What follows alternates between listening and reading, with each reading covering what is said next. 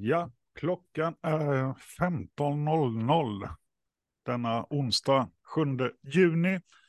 Varmt välkommen till Fikasnack om framtidens utbildning, en liten podd där vi pratar om utbildning eh, både vid KTH men också vidare eh, större skop än så. Eh, så vi tittar också oss omkring ute i världen.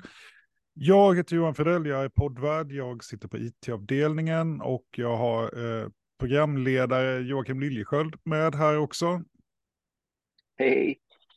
Och eh, vi kan väl säga också, bara så en liten, det är den första disclaimern är att det här är inte KTHs officiella hållning i olika frågor, utan detta är ett kollegialt samtal. Eh, det, det, är viktigt att komma ihåg.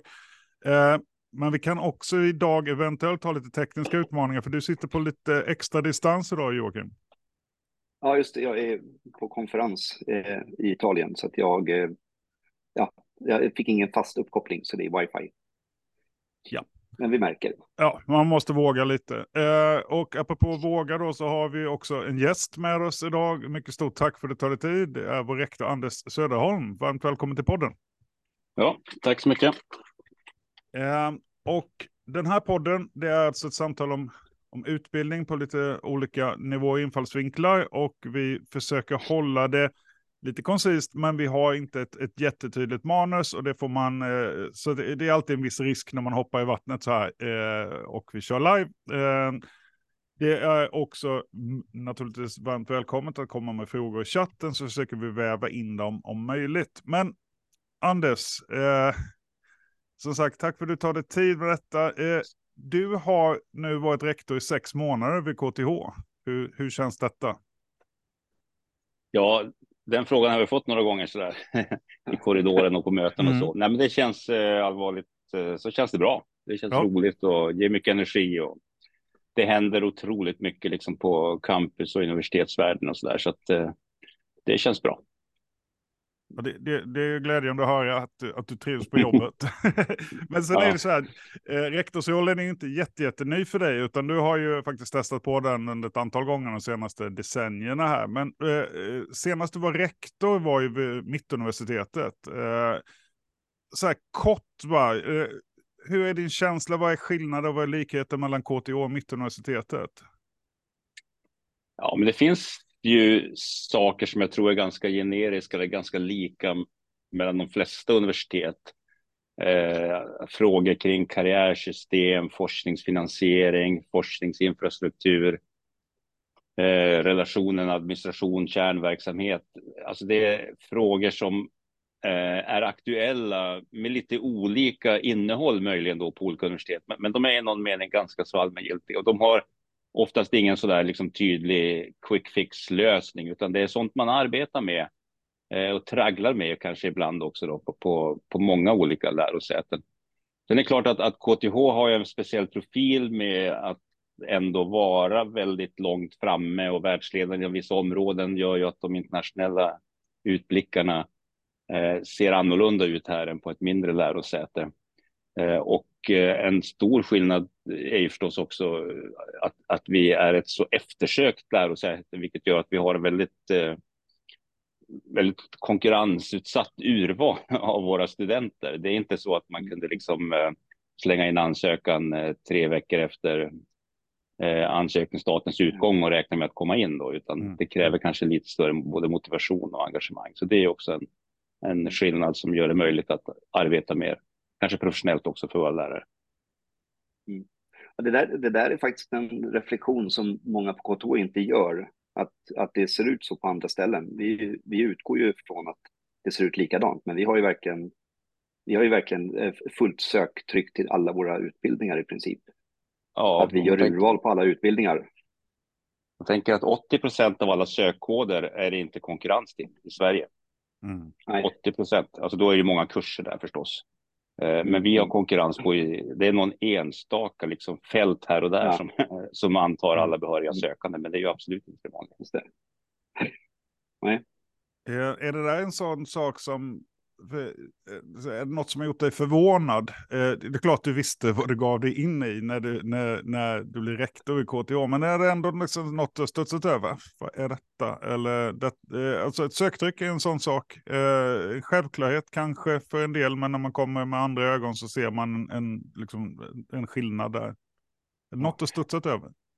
Ja, ja både och. Alltså man kan väl säga att, att om man ser på enskilda lärosäten och ser att de följer ungefär samma utveckling i, i viktiga frågor som snittet av alla andra lärosäten, då, då rör man sig liksom med strömmen. Eh, om det finns områden där man liksom rör sig mot strömmen eh, eh är ju det något man kan liksom då reagera inför. Och det finns väl några sådana grejer där KTH avviker från vad som är det vanliga för de stora universiteten. Och en sån är ju att, att vi Eh, att vi inte når upp till vårt takbelopp och har en sämre ekonomi på grundutbildningssidan. Vi är det enda lärosätet med negativt myndighetskapital. Eh, en negativ avvikelse, en positiv avvikelse är ju att vi har, vi har en betydligt mer diversifierad extern finansiering. Vi är inte alls eh, Alltså de flesta lärosäten har en dominans av statliga medel även i den konkurrensutsatta forskningen, men vi har ju en stor andel som är icke-statliga konkurrensutsatta medel, det vill säga de stora stiftelserna och Europapengar och så. Vilket gör att, att det blir en lite annan miljö där våra forskare rör sig och söker pengar och söker samarbetspartners och så. Eh, också en miljö som kräver mer av medfinansiering än vad de statliga finansiärerna kräver.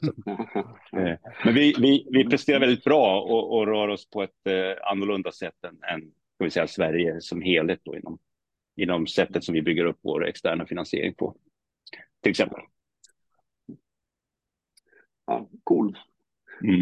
Eh, ja, och sen då, du kom ju hit, du, du ärvde ju en hel del intressant, både problem och utmaningar. Och en av sakerna du ärvde var ju det här framtidens utbildningsprogrammet, eller om man ska säga principerna var beslutade och programledningen tillsattes väl samtidigt, i stort sett samma dag som du började, tror jag till och med, formellt sett. Så att, mm. eh, vad, vad, är dina tankar där? Du, som sagt, varför är ett sådant program viktigt för KTH? Eller är det det? ja, var det en så kallad retorisk fråga? Ja, ja precis. Lite. Nej, men det, det, är klart det är viktigt. Alltså, man, behöver ju, man kan ju tänka sig ungefär som, som vilken kommersiell verksamhet som helst, att man, man behöver liksom ägna 10-20 procent av sin omsättning åt nästa generation av sina produkter, om man nu får prata med det språket. Och på samma sätt tycker jag det är jätteviktigt för oss att det finns ett utrymme för förnyelse och utveckling inom ramen för det vi planerar att genomföra varje år. Eh, då kan man ju mot det säga att ja, men vi har så mycket att göra så att vi har absolut inte tid att arbeta med utveckling. Vi är 100 procent belagda. Alltså då är den motfrågan, har vi rätt portfölj då? Om vi, inte, om vi inte klarar av att driva den så att vi skapar ett utvecklingsutrymme eh, så behöver vi nog fundera över hur vårt utbud ser ut. Har vi för många för små kurser? Eh, har vi eh, liksom utbildningsalternativ som, som så att säga splittrar oss för mycket och så där. Så det är väl det grundläggande att, att liksom utvecklingsinsatserna måste vara en, en integrerad del av det grunduppdrag som vi har. Eh, mm. och, och, det gäller ju då både utbildningens innehåll men också formatet och pedagogiken och eh, de olika typerna av, av kringliggande resurser då, eller mervärden som utbildningarna behöver. Och där fyller ju framtidens utbildning i ett fyller, eh, fyller, i ett viktigt, eller fyller i ett viktigt behov, eller svarar upp mot ett viktigt behov. Att, eh, som jag uppfattar det då, ändå har gjort en ganska bred inventering och förankring kring eh, saker som kan, eller som är centrala för framtida utbildning på KTH. Eh, och det som jag tycker är lite fiffigt eh, med just den här sammansättningen utifrån ett antal principer och så är ju att det ger, det ger underlag också för att göra olika saker. Det vill säga man, man kan ha lite olika agender mm. och ändå så att säga vara en del av en större systematik. Och jag hoppas ju att vi kan ha, eh, ha vad ska man säga, en, en sorts eh, efterfrågestyrd, alltså från kollegorna efterfrågestyrd utvecklingsinsats där vi klarar av att överhöra mellan olika delar av KTH som gör likartade satsningar, då, men man gör dem utifrån sina egna behov. Och den principinventering som ni har gjort då eh, mm. är ändå, tänker jag då, en sorts kvalitetssäkrad beskrivning av våra behov. Eh, mm. Fast de då kan liksom kombineras på lite olika sätt. Så det blir en väldigt viktig del av den här portföljen eller utvecklingsarbetet att, att fylla i det där med konkreta projekt. Då. Just det. Ja, jättebra. Jag kan säga, jag gjorde en, vi har också hållit på ett halvår då, alltså jag gjorde en liten, jag gjorde lite reflektion här häromdagen, vi ska göra en större ganska så snart. Men en, en bit är ju faktiskt att de här principerna har verkligen funkat på det sättet att ge lite riktning samtidigt som, som att skolorna själva föreslog projekt gjorde att de fick, man fick prioritera det man såg var viktigast i skolan. Och, och just nu mm. när vi håller ihop där och pratar om utmaningar och hinder tillsammans mellan skolorna så har vi fått ett KTH på ett sätt som vi inte haft. Mm. Vi har pratat ett KTH ganska länge, men konkret i diskussionen så drar vi åt samma håll nu, även om man gör olika projekt här. Så jag hoppas ju att om vi kan utveckla det, att det här faktiskt konkret gör att vi jobbar som ett KTH, så att säga. Att, liksom, ja, ja. att vi får en gemensam riktning. Jag vet inte vet om det var du som skrev det Jocke, men autonom, autonomi och alignment. Ja. Eh, två motstridiga det... principer som, som jag tror, tycker alltid, är en, alltid en utmaning på universitet. Man, man, man, man kommer ingenstans om, man, om inte det här autonomin och ägarskapet finns långt ut i verksamheten. Eh, samtidigt mm. finns det områden där vi behöver röra oss gemensamt. Mm. Ja, ja. Mm. ja, men det har ju varit ett ledord för oss egentligen under, under eh, arbetet med framtidens utbildning. Att, eh, ja, alignmenten måste vi få, vi måste få en gemensam riktning, hitåt vill vi. Och mm. det kan ju vara just hur, hur, ska, vi, hur ska vi se över vårt, vårt utbud så att vi har de här 80-20 procenten och vad, vad, vill vi, vad är nästa utvecklingssteg för oss, att det finns en riktning. Och, och, och, autonomin då, att, precis som du var inne på, att skolorna, man själv fyller med innehåll så man ser att det här är viktigt för oss. Och det är, det är en balansera på slak lina och försöka få till det där. Eh, mm. Eh, och, och, hur man än gör så kommer man nog aldrig göra helt rätt i allas ögon. Men, men vi hoppas ju att vi ändå att vi tar ett steg mot att få en kultur med lite, ja, mm. rikta, rikta utvecklingspilarna åt, åt lite mer gemensamt håll. Vi har gjort utvecklingsarbete i alla år, men de har ju verkligen varit, eh, man, det har varit initiativ underifrån upp och ingen överhörning alltid, eller väldigt ofta ingen överhörning mellan skolorna till exempel. Så där finns det ju någonting som vi hoppas på. Mm. Men det här är lite ditt forskningsområde också, eller hur? Till viss del det vi håller på med här, eller? Ja, jo, på ett sätt kan man väl säga det om man tänker på projektbaserade verksamheter och, och, och så att säga den här rörelsen mellan eh, de, eh, de mer fyrkantiga boxarnas sätt att beskriva en organisation och den mer flyktiga projektinitierade mm. sättet att beskriva organisationen så är ju ofta de två lite grann i dragkamp med varandra och sådana ja. frågor har vi ägnat, ägnat en del av deltid åt. Ja. ja. Mm. Ja, och det känns som att det är lite, lite det egentligen om man nu tittar här. Vi har ju våra skolor och vi har våra program och vi har den strukturen och samtidigt så i framtidens utbildning försöker vi dra igång ett gäng satsningar och projekt, utvecklingsprojekt. Mm. Försöker få balansera i den dragkampen där. Precis. Ja, och den första batchen projekt har ju kommit igång nu eh, och eh, vi, vi kommer ju följa dem på alla möjliga sätt inom KTH för att liksom stötta de här projekten och se till att det finns uppstår synergier när, när så är möjligt. Men vad bedömer du om det skulle vara nästa steg här eh, för KTHs utveckling?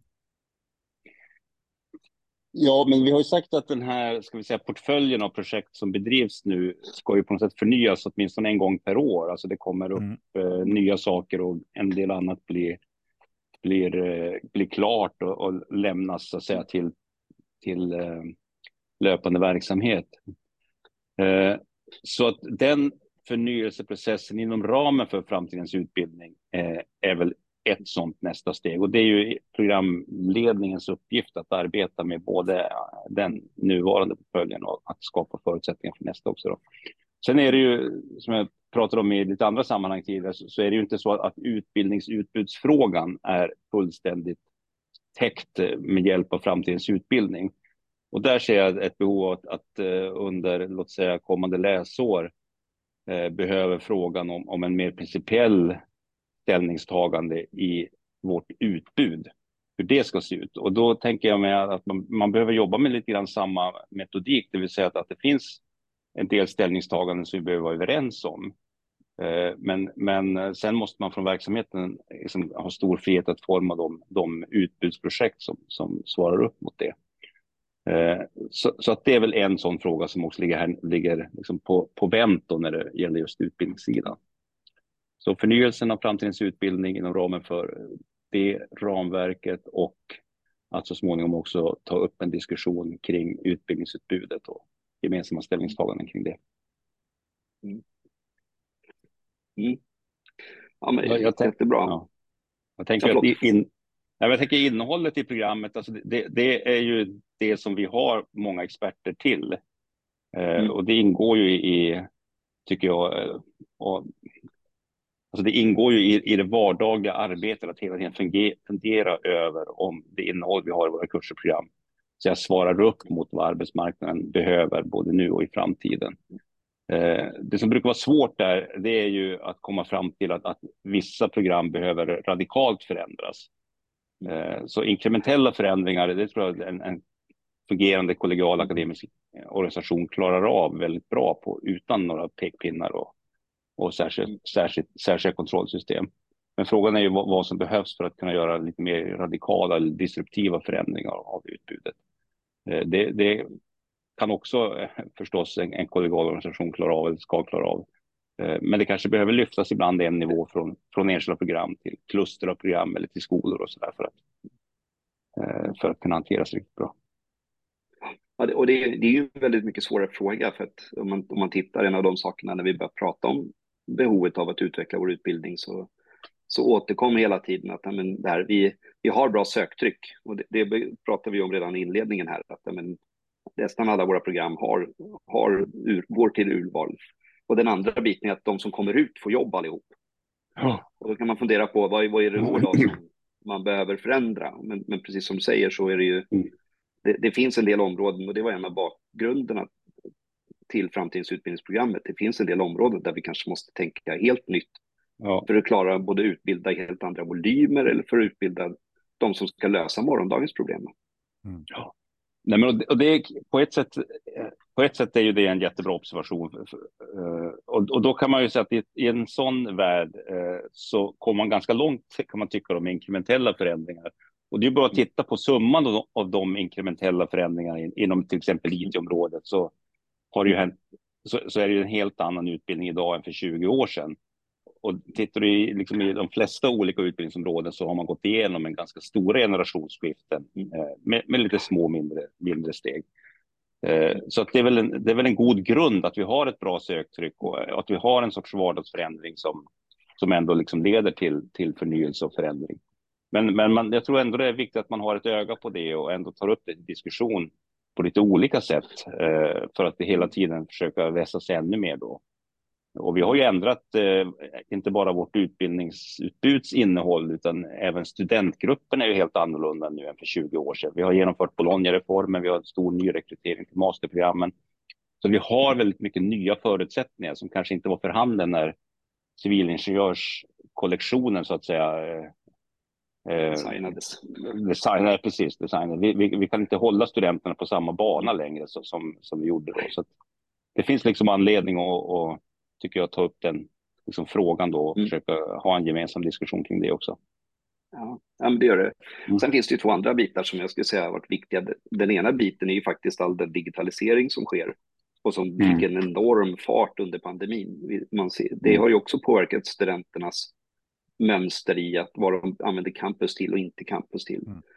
Och den mm. andra biten är den här ganska enkla prototypingen när det har varit väldigt dyrt att göra hands-on-arbete som ingenjör i labb till att det har blivit ganska billigt med 3D-skrivare och billiga mikrodatorer mm. och så vidare.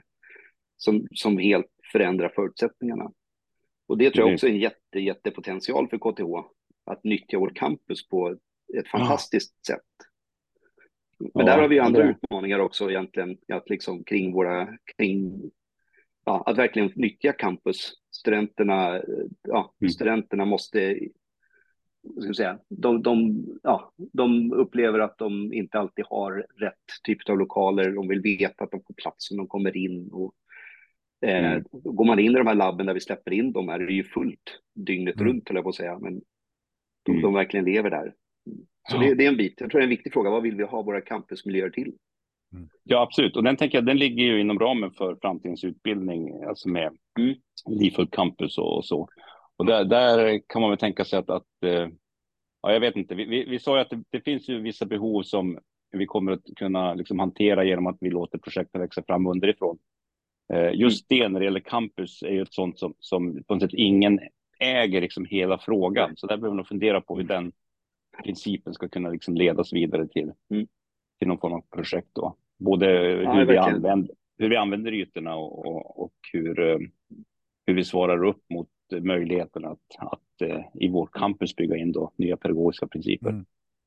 Man kan bli förvånad där mm. också. Eh, vi, vi talar om en ökad digitalisering och då tänker man ju lätt att ja, men då blir ju lokalbehovet mindre. Men tittar man på en ökad digitalisering av examination, en säker examination till exempel, ja, men då ser lokalbehovet plötsligt lite annorlunda ut. Då behöver vi kanske mer datasalar som är byggda på ett, ett sätt som vi inte kunde förutspå för för 15 år sedan. Så det, det, är spännande just att se hur, uh, hur campus behöver formas för att liksom följa nya uh, undervisningsmetoder, examinationsmetoder och så vidare också. Och, och ibland leder det till liksom lite oväntade grejer. Det var liksom inte bring your own device enbart, utan vi, vi, vi hamnar med andra behov och, och, och, krav på oss som vi kanske inte kunde förutspå för bara några år sedan. Mm. Så det, det, det mm. um, vi, vi, där... Tiden går ju väldigt fort så här, men jag tänkte ställa en fråga. Eh, eh, det, det gjordes ett besök, ett, eh, en resa till USA för några veckor sedan. Eh, eh, finns det någon inspiration som du, kan, som du drog därifrån vad det gäller eh, utbildning? alltså vi var inte, ska jag säga ärligt, då, i närkontakt med utbildningsmiljöerna där på mm. Stanford och Berkeley då, som var de två campus som jag var med och besökte. Eh, men man får ju en, alltså jag tycker ändå man, jag tycker det finns stora likheter mellan Berkeley, Stanford och, och KTH eh, när man kommer in på campus, den här känslan att man kommer in på ett universitet. Ja. Man kommer in på ett område som på något sätt ändå har vuxit fram med många tidslager i, i de byggnader vi har och, och där det rör sig mycket studenter och så. Eh, så vi pratade lite grann om det, just hur de har responderat på på eh, pandemin och på effekten av pandemin. Mm. Och mycket, mycket, alltså ibland kan man ju tycka att universiteten är ungefär som en, liksom en, en sån här bra stöt, vad heter det, sån här kofångare, det vill säga man kör in i något och så blir det en buckla, men, men med tiden så mm. liksom kommer den där och återtar sin ursprungliga form. Eh, och att eh, väldigt många vill tillbaka till campus. Vi är ett programuniversitet. Vi har eh, möjligheter att göra väldigt mycket på campus som vi inte kunde göra under pandemin och därför eh, är, det, är det en stor kraft i det här att få komma tillbaka till campus och det så tycker jag man, man talar även på de här universiteten. Och då är frågan, vad lärde vi oss under pandemin som vi kan ha med oss när vi nu kommer tillbaka till campus? Och då är det det du var inne på Jocke om, om just hur vi använder lokaler och hur vi tänker kring, kanske inte då liksom digitalt campus men eh, en binär 01-lösning, utan att, att det går in i varandra, blended learning och att studenterna kan, kan så säga, välja ibland format att följa utbildningen beroende på vilka behov man har och så. Så att eh, eh jag tycker ändå på det stora hela så, så, så det lilla ska jag säga då så som vi hade möjlighet att liksom eh, kika in i deras utbildningsdiskussioner så, så liknar väldigt mycket det sätt som vi resonerar på. Mm om jag tror vi, står, vi står nog allihopa för samma typ av utmaningar kopplat till mm. pandemin, men också möjligheter då, då som, som sagt mm. kring vad vi kan göra. Och sen ja. står vi med samma utmaningar när det gäller examination också, som kommer tvinga, tvinga fram ett förändringsarbete. Vi måste gå mycket mer till att börja bedöma ja. studenternas process egentligen. Så en, mm. sak som kom fram under, under förarbetet fram till utbildning, det var ju att undervisning kanske ska ta väldigt mycket mer inspiration av doktorandhandledning, alltså hur man coachar en, en doktorand snarare även i grundutbildningen. Så mm. det, och det finns en del intressanta tankar då. Hur, hur, ska vi hantera den examinationen nu då med, med olika typer av digitala verktyg som, som kommer med rasande mm. tempo. Mm. Ja. Mm. Mm. Eh, ja, Johan, Ja. Hade du något mer på ja, alltså det, ja, oändligt med frågor som, som medarbetare vid KTH eh, saknas inte. Men eh, vi, vi ska avrunda ganska snart. Men jag tänkte se, vi börjar närma oss ett 200-årsjubileum eh, för KTH, 2027.